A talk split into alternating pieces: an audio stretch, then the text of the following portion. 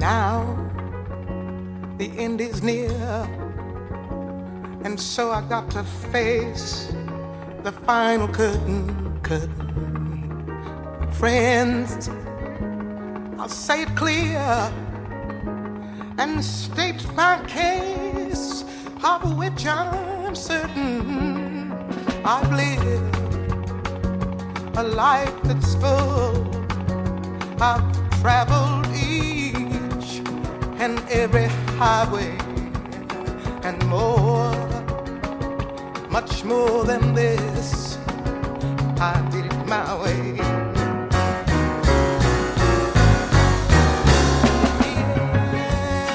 Yes, regrets. I've had a few.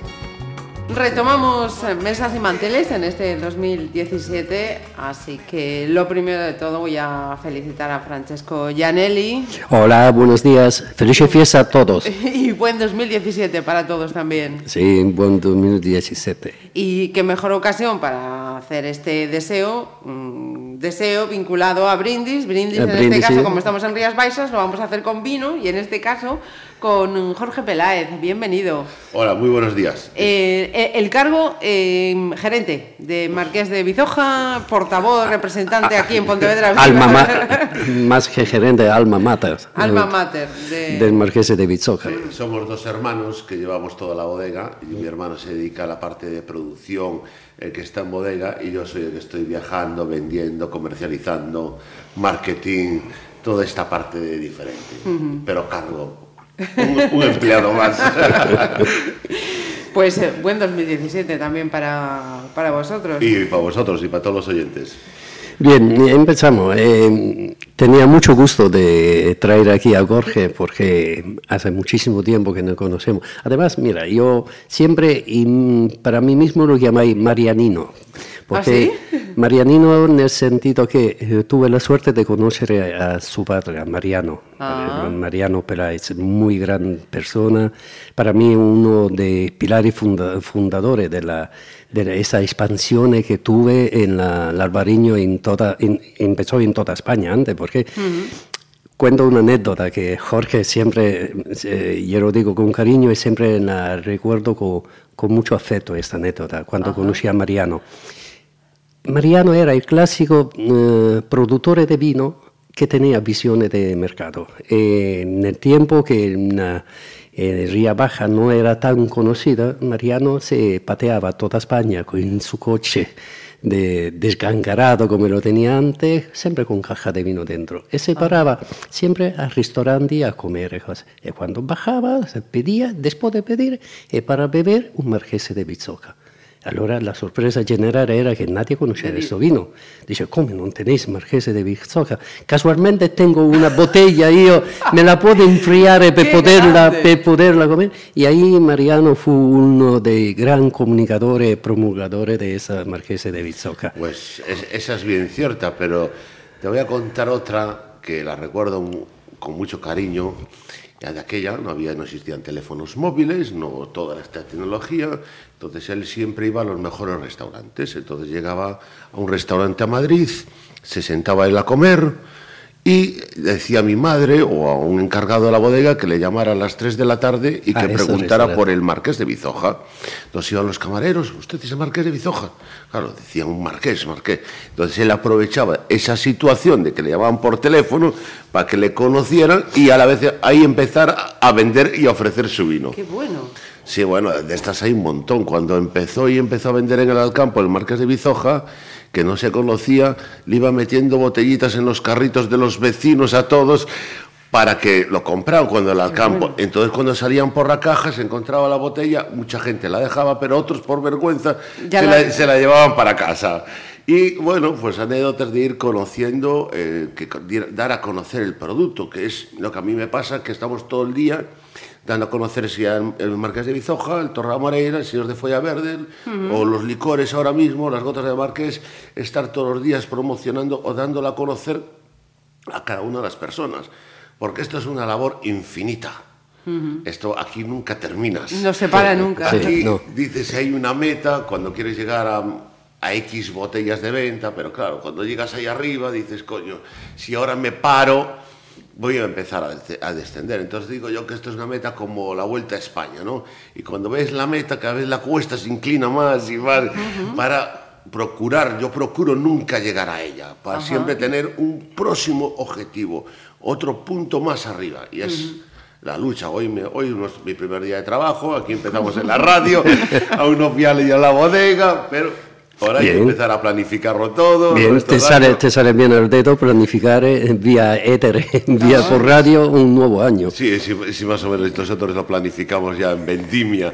Yo tengo dos cierres, el cierre de vendimia y el cierre de final de año. Eh, aprovechando esto conjuntivo del año nuevo, ¿Qué previsiones tenéis para la exportación en el mercado? Porque somos conscientes de que tenéis un mercado muy importante en Latinoamérica, en América mismo. ¿Qué proyecciones tenéis? Gran pregunta. Eh, hay varios países que son los países que están en auge. Todo el mundo queremos ir a un Brasil, pues Brasil pues está más estancado ahora mismo, pero está Colombia evolucionando muy bien y creciendo. Hay que ir poniendo unas buenas bases. Después tenemos Perú, que a día de hoy se comercializa poco, pero hay que ir enseñándoles lo que es tu producto. Se trabaja muy bien en México, por ejemplo, y nosotros trabajamos muy bien lo que es los Estados Unidos. Tenemos una pequeña oficinita, una central en Miami y desde ahí distribuimos para todo el resto de Estados Unidos con un almacén allí, un warehouse, que es un almacén sin pagar los impuestos. Eh, Wonder Warehouse le llaman en inglés. Es Qué bien, eso de, no, pagar impuestos te sale bien. No, no, es la zona franca. Lo, almacenas allí con, eh, con, temperatura controlada y cada vez que vendes, por ejemplo, 100 cajas para Nueva York, ahí en ese momento es cuando pagas pagar los eh, impuestos. bueno, eso, es un gran ayudo para importadores y exportadores. hablando, perdón, Francesco, hablando de, de, exportaciones en relación a la pregunta que acaba de hacer Francesco, Em, sí que me, interesa saber si en vuestro, en vuestro caso y en general, pues eh, para los vinos de, Rías Baixas, la nueva situación política que se plantea en Estados Unidos, esos em, mensajes que el futuro presidente está mandando, eh, preocupa preocupa al, al, sector? A mí, sinceramente, no me preocupa en absoluto. No sé el resto del sector porque no lo he comentado. No creo que sea que, pueda grabar los impuestos con los vinos españoles. Pues seguramente lo puede hacer, pero el consumidor final, al final ya el, valor del producto en Estados Unidos, una botella de Torre la Moreira te cobran 55 dólares, que aproximadamente son 50 euros ahora mismo. Pero hay que recordar que hay que dejar el 18% de la propina, entonces estamos hablando de una botella de 70 euros. No creo que pueda llegar a encarecer demasiado. Posiblemente querrá lo que yo veo por estos mensajes que quiere que todo se construya allí, construya allí, que se elaboren allí y posiblemente que tenga a lo mejor de alguna manera con los vinos americanos, californianos o de otras zonas que están saliendo, que haya más consumo. Pero ya consumen mucho de eso. En los Estados Unidos es un mercado que le gusta innovar, le gusta cocer y los europeos, los australianos, neozelandeses, llevamos muchos años ahí poquito a poquito dando a conocer. Entonces no creo que todo esto sea una repercusión. Yo no he oído nada de que de momento vaya a subir los impuestos a los vinos, no a los alcoholes, a los vinos. No he oído nada. Sí he oído como la fábrica de la Toyota o de la Ford o Apple, lo que quiere que construyan esas mega multinacionales que construyen allí. Nosotros somos insignificantes. seguro que no tanto. bueno, vender vendemos algo afortunadamente, pero en la totalidad de todo eso, pues es muy poquito. No, yo también estoy convencido de lo que dice Jorge, pero una simple razón, eh, razón sia la comunidad hispana que come también la comunidad italiana son una comunidad muy importante ahí y por eso el financiamiento del producto español en, en, Latinoamérica o en América mismo es así grande que nunca va a mermar. Eh, al dirá del precio comercial o del impuesto que puede tener, pero el conocimiento del producto en sí mismo te importa el consumo, por eso no pienso que va a tener problema. No, yo no lo creo tampoco. además. además, ya no son los hispanos o los latinos los que más consumen nuestros productos.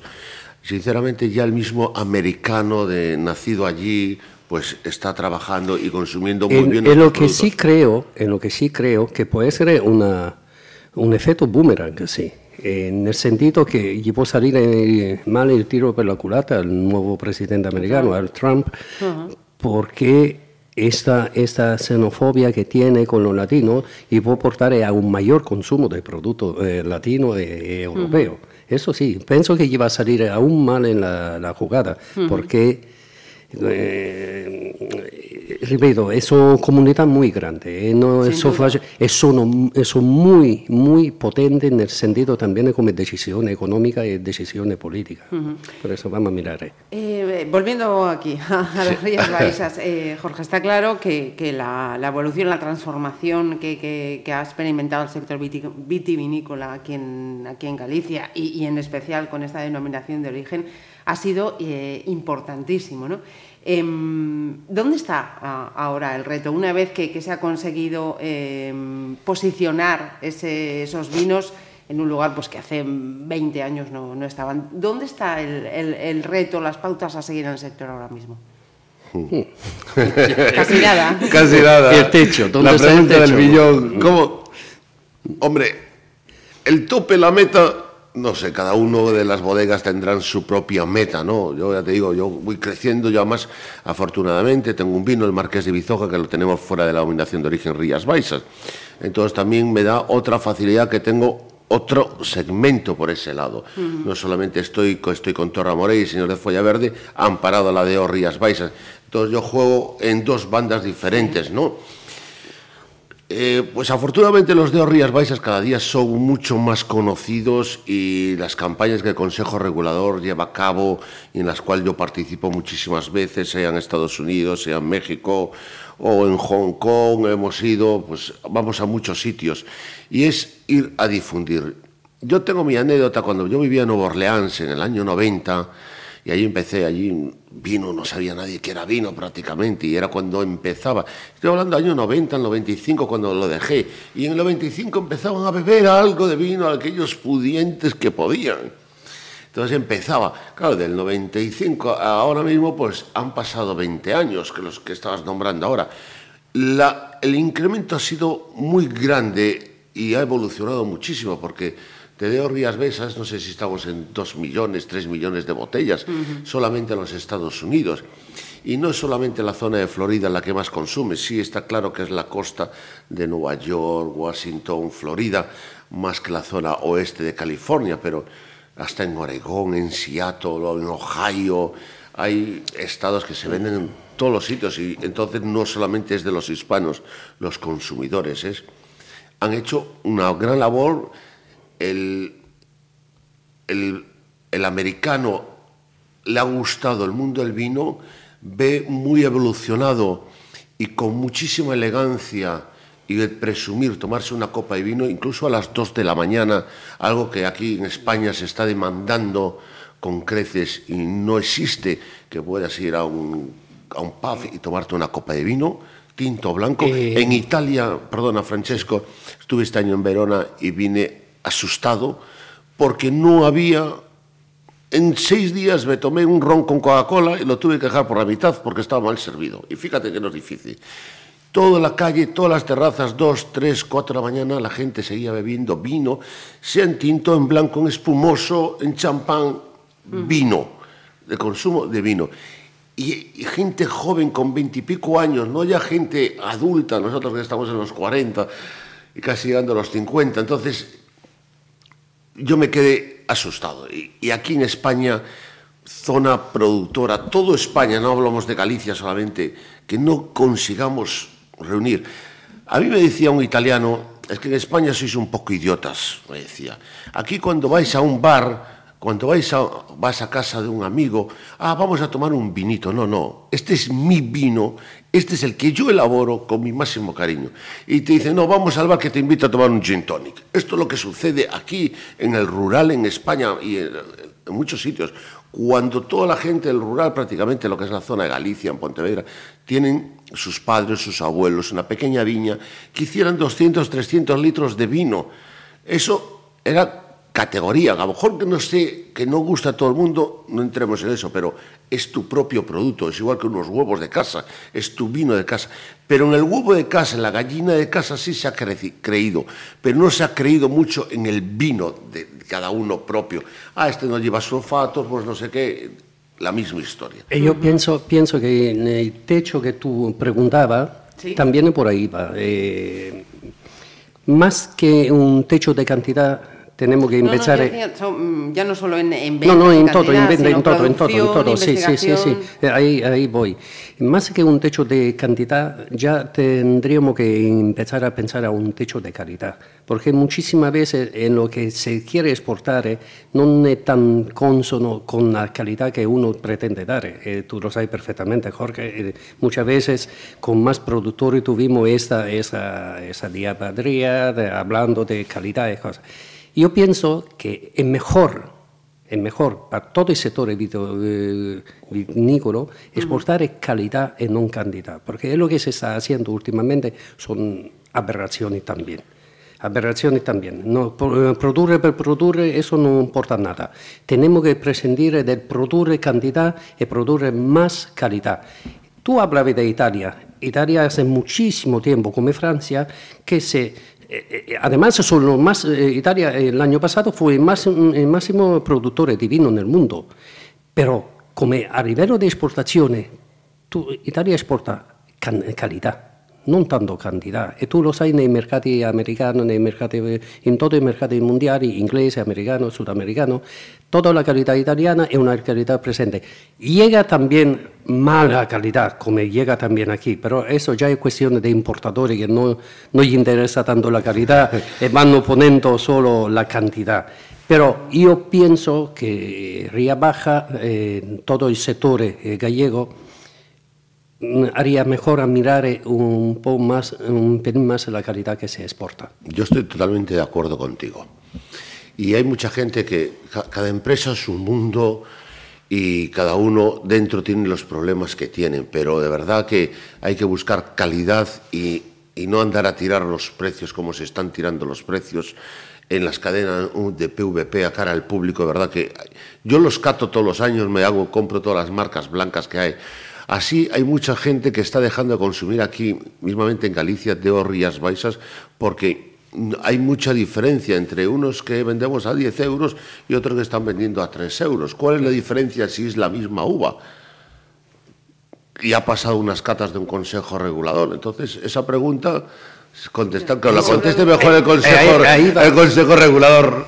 Ahí va, ahí va mi, mi, mi, inquietud, porque yo estoy mirando un auge siempre más creciente de vinos no Ría, eh, non della Ría Baja, tipo il Godello, che sta subiendo muchísimo, eh, Mencía. Mencía, todos esos vini que están haciendo un trabajo excepcional, que están mirando mucho más a la calidad y no a la cantidad, están entrando en el mercado como vinos, no hablamos de vino selecto, porque ningún vino es selecto, porque el vino es vino, no es selecto, pero con un fondo de más quiérame y búscame es lo que de, verdad uno tiene que mirar. Y quiere, búscame, no te tengo aquí, bueno, ya es que te tengo porque te conozco, estoy ya harto de mirarte.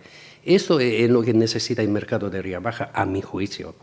Tú que eres un productor y vendedor, sabrás mejor que yo. Nosotros mantenemos una calidad y un precio constante durante muchísimos años y nos mantenemos ahí. No somos la bodega más económica del mercado. Pues de eso doy fe porque son muchísimos años que te conozco y, sé perfectamente, pero no era para ti personalmente esa No, no lo sé. Era para el sector evito... Yo tengo muchos vecinos y veo lo que hacen cada uno.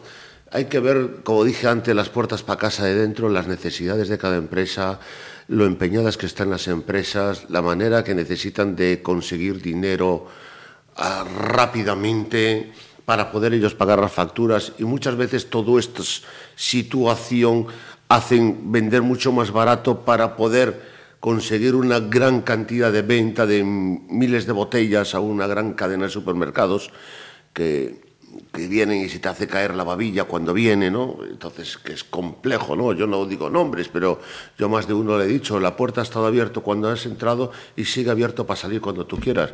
Yo me podré desaflojar un botoncito, el cinturón, pero eso de que bajarse los pantalones, como se dice y todo, pues no.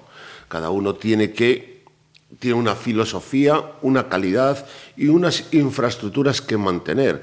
Yo pago al final del año, pues somos más de Diariamente somos 26 personas, 25 personas en bodega y nómina diariamente, más todos los extras, al final son más de 30 y pico personas que me salen anualmente. Y todos los meses tengo que pagar, tengo una mala costumbre, que pagamos el día 28 y no el día 1, para que todo el mundo pueda pagar también sus propias facturas. Entonces todo esto es una cadena constante. Es igual porque hay restaurantes italianos que venden la comida mucho más barata, eh, con menos elaboración que el tuyo, o un mexicano, porque hay un mexicano muy bueno pues hay otros que, que no vale, o comida japonesa que están tan de moda, ¿no? Hay unos muy, muy, muy buenos y que tienes que pagar la pieza de sushi, de nigiri, porque lo vale, y hay otros que dices, por 20 euros cómete 20 platos, ¿no? Entonces no hay no es equitativo todo. Sí, pero eh, ahí va la diferencia. Claro, la, calidad. La calidad, eh, appunto. Es lo que yo estoy echando de menos, es appunto eso, una selección más, más mirada de la calidad de, de la exportación del vino, no exportar para exportar. Porque, mira, todos los años estamos teniendo un incremento de producción de uva. Todos los años estamos teniendo un top mayor, eh, este año excepcional, dos, millones de... Sí, sí, tercer año de la historia. tercer año de la historia. La exportación, pero suben siempre más, más, más, más, más, pero ¿qué beneficio está aportando efectivamente al dirá de que está exportando?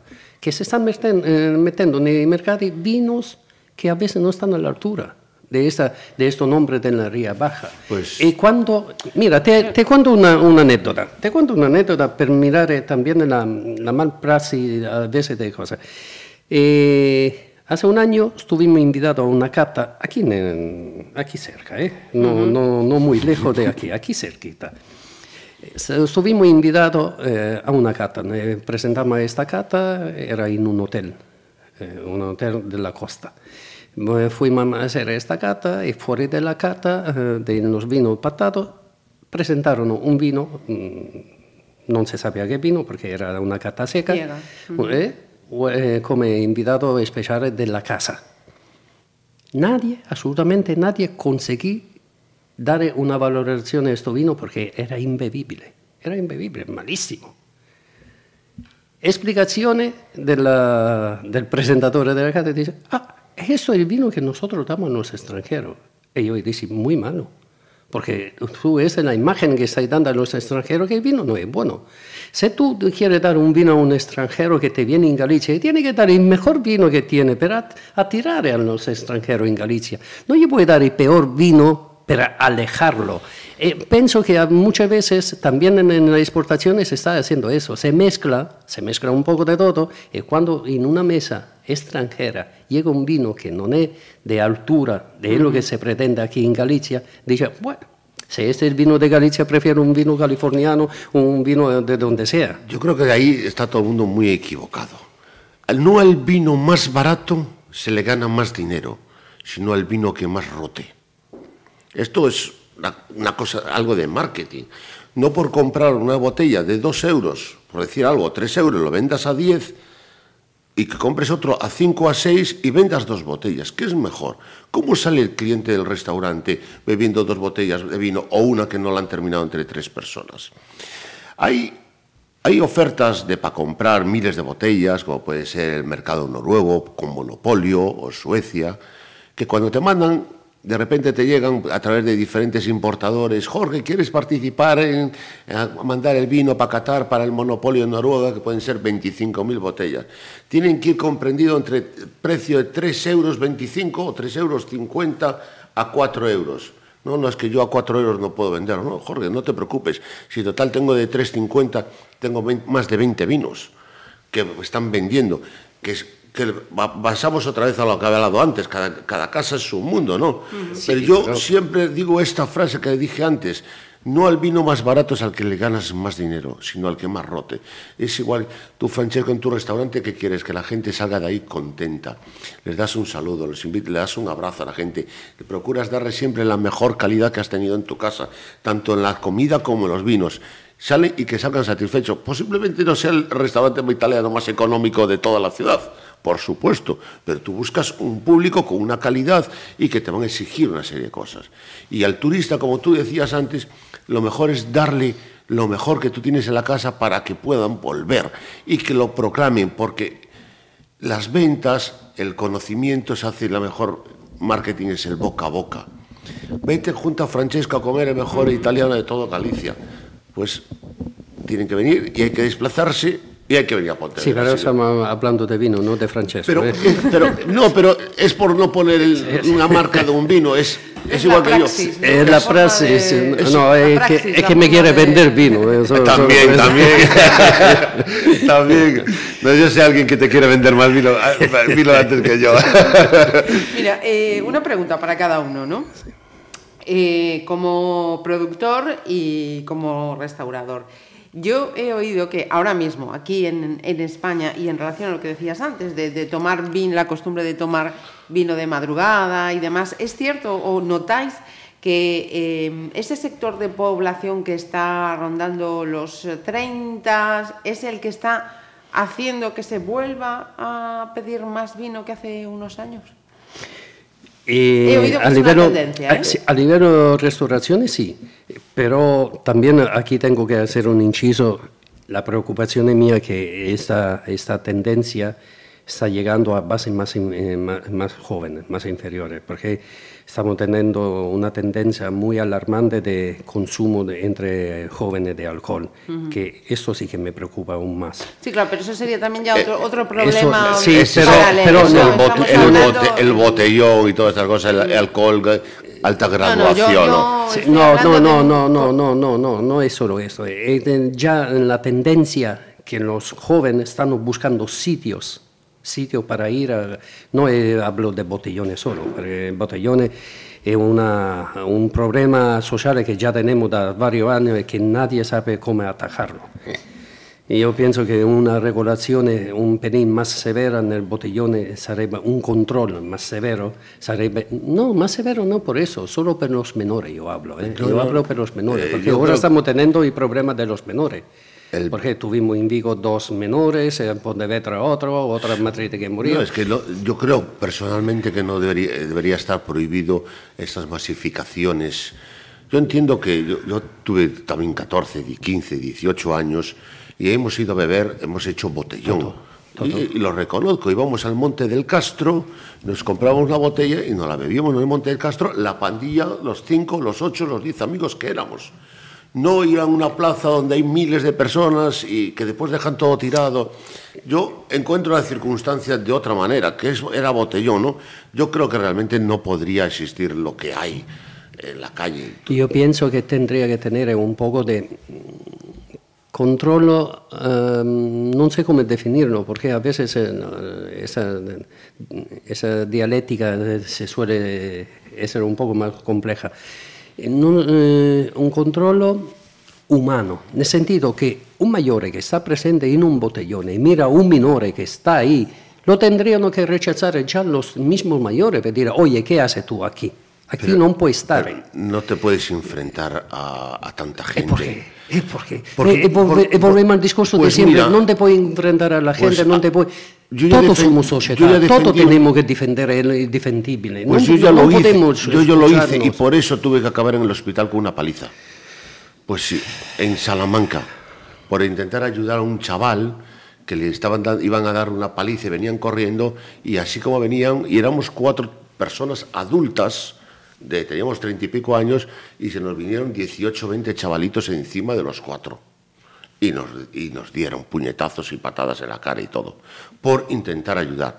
Yo cada vez que tienes que ayudar o defender a alguien, te cuesta. Yo no sería capaz, a si es a mi hija, sí, por supuesto que la agarro y me la llevo, pero yo no puedo, veo a alguien, podría llamar a la policía y decir, veo tal cosa. Esto eh, también es ayudar. Eh. Pero ir allí, e enfrentarte a tal Vamos a ver, Jorge, también, también eso que tú dices de, de, denunciar públicamente y denunciar a la policía, eso también es ayudar. Un adulto que está ahí y mira un menor, no te quiere enfrentar por problema que... Per, per el problema, qualsiasi sia il problema, estoy de acuerdo contigo, pero al menos tener la decencia de llamar a la policía que, que sea, oye, detectamos presencia de menores en esos botellones, porque el botellón aquí a Pontevedra está legalizado. Mm, quiero o no quiere, hablamos, hablamos claramente, está legalizado porque tiene un sitio para poder beber, para hacerse botellón. Por eso que no me vengo con pamplinas diciendo, no, porque no encontró. No, está legalizado, se exige más presencia policial, se exige más presencia sanitaria también. Se lo quiere legalizar. Si no se abole, se abolice, no tiene permiso para nada, eh, ya está. Pero una vez que está, y se da el acceso a todo, que se controla más, porque yo no quiero mirar a niños consumiendo alcohol ahí en el medio de adultos, porque ahí responsabilizo a los adultos que aceptan a los niños, que no hago nada, pero esa, eh, no sé qué estamos pasando de tiempo. No, no, no, no, hago nada. para reconducir el tema, porque esto se nos puede ir también bueno, para otro programa. Te, esta es otra sesión más. El, mensaje que, que lancio, adulto, controlado a los menores. Reconduciendo, Francesco, Jorge, eso, eh, podemos tener una esperanza en ese consumo responsable, em, pensado, buscado. Siempre. De que esos, eh, esa generación de, que tiene ahora treinta y pico son los que dicen tenemos un buen vino en España, en Rías Baixas, donde sea, en general, en España tenemos buenos vinos, vamos a consumir vinos. Educando, educando siempre tiene esperanza para todo. se tiene que educar a la bebida, se tiene que educar a la calidad, se tiene que educar al consumo, se tiene que educar. El consumo del vino, tomarse una copa de vino, da prestigio hoy en día. Y la gente de los 30 años, pues quieren tener prestigio. Y todo esto son modas que van viniendo poco a poco. Es igual que ahora cada día se, se, están empezando a consumir más vino blanco y no solo el tinto, porque son tendencias y que la gente ha ido aprendiendo. Pues el consumir una copa de vino tinto y llegar a un restaurante y decir, ah, pues tengo Ribera el Duero, tengo Rías Baixas, tengo tal. Ah, pues ¿por qué no pedimos un priorato por decir algo y sorprendes al grupito de los amigos que nadie conocerá nada? Y entonces todo eso también te da elegancia, te da prestigio.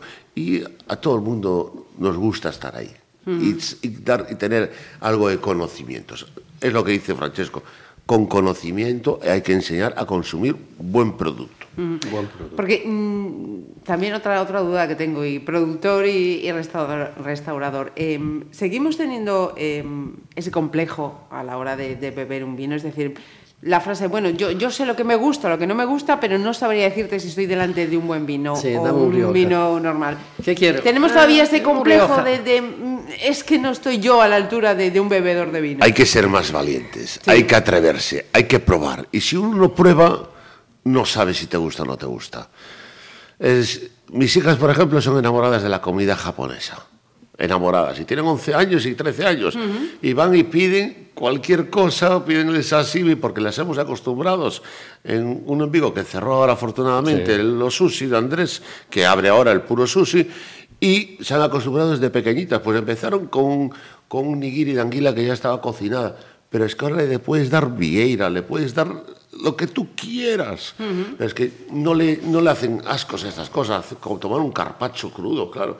Yo voy con otros padres y con otros niños, ay, no, mi hijo, esto no. ¿Qué es esto, no? Ay, pues mis hijas hoy aquí y si mañana tenemos la ocasión de probar un restaurante vietnamita, lo probamos, un indio, un indonesio, sobre todo cuando viajes a grandes ciudades, ¿no? Porque aquí desafortunadamente Vigo, Pontevedra seguimos siendo unos pueblos para todas estas comidas internacionales. Sí, eh, estoy de acuerdo con Jorge. Eh, educar. Eh, también la gente tiene que perder esta, este miedo que tiene que cuando va a un restaurante, un restaurador aconseja, no es siempre para vender, es lo que tiene que vender.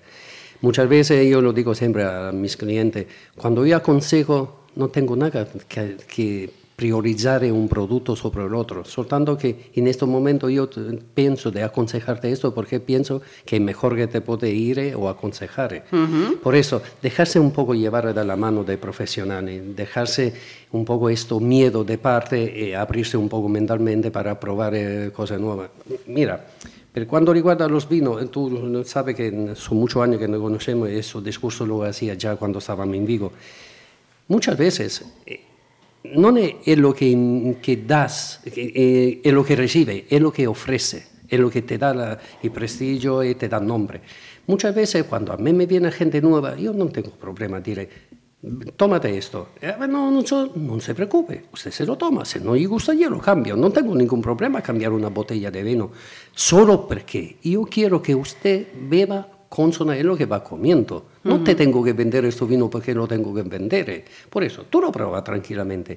Y si empezamos todos, todos, absolutamente todos, los restaurantes, eh, restauratori, a, hacer un poco de divulgación, un poco más del producto que tenemos, eso va a beneficio de todo, a beneficio del productor, porque ya se está dando a probar un vino que no era conocido, pero lo está Pero siempre cuando hablamos de calidad, porque se tenemos que vender para vender, no, pero ofrecer para conocer. Sí, yo iba a tu restaurante cuando estaba ahí en Vigo y normalmente siempre pedía un vino italiano. Siempre, yo siempre continuo ofreciendo vino italiano. Porque quería, estoy en un restaurante italiano, pues me gusta conocer más cosas de Italia, ¿no?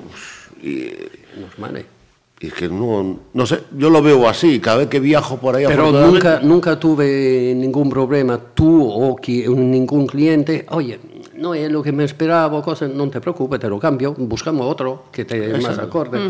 Eh, el problema no subsiste en eso, el problema subsiste en la, esta confidencialidad que se tiene que instaurar entre con, eh, productores, consumidores y vendedores. Al final nosotros, restauradores, somos vendedores, que vendemos un producto que no construimos, no, no fabricamos nosotros, pero almeno tendríamos que tener la base de conoscenza per poterlo vendere. E ahí penso che se empezamos de verdad a tener esta simbiosis entre los tres, todo va a mejorar. Por eso yo quería hacer el inciso de la exportación, que se, se empieza a mirar a exportar solo calidad y no tanto cantidad, pienso que también el mercado se abre más, se, se da más renombre, más, más, al final vaya a consumir más. Sí, sí, sí, es que además hace falta eh, que los vinos sean cotizados también, mantener una calidad, porque claro, no es lo mismo si un consejo regulador aquí en Rías Baixas dice, pues por cada hectárea se pueden recolectar casi los 12.000 kilos de uva y yo digo, no, yo es que en mi casa pues recojo 8.000 y los otros 4.000 los tiro en verde porque lo que busco es calidad para que la planta madure bien esos racimos, etc. Entonces, claro, no es lo mismo exprimir la planta hasta el final o recortarla. Entonces, claro, 12.000 kilos de uva tiene que costar lo mismo que 8.000 kilos de uva. Entonces, es, no es lo mismo. Entonces, claro, cuando tú Pero tú, ¿qué estáis metiendo, ¿qué estáis metiendo en el mercado? Estáis metiendo calidad. Calidad. nosotros tenemos una de las cosas que siempre con mi padre nos ha enseñado, que en Torre Moreira, pues, como en todos los vinos, pero sobre todo en Torre Moreira, todas las cubas tienen que estar homologadas. Todas las cubas tienen que ser iguales. No decir, de esta cuba, porque es del viñedo de aquí abajo, va a ser mejor, ¿no? Para, para presentar a previos. No, no. Nosotros del 100% de nuestras 300 y pico mil botellas son de la primera a la última iguales. Mantenemos, homologamos todas las cubas, las, las, las dejamos iguales después de la vendimia, después de fermentar. Se ponen todas las cubas igual y todas tienen que saber al mismo producto. Claro, Desde la primera hasta la última. claro. Claro, muy bien, muy bien. Que no siempre, no siempre pasa. Pues eh, Jorge, ha sido un placer. Para no, el placer, el, placer es mío. es un gustazo empezar así el año, la verdad. Francesco. Muchas gracias. Y hasta el próximo Mesas y Manteles. Al próximo Mesas y Manteles, en 15 días. No, no, no, no, not me. I did it my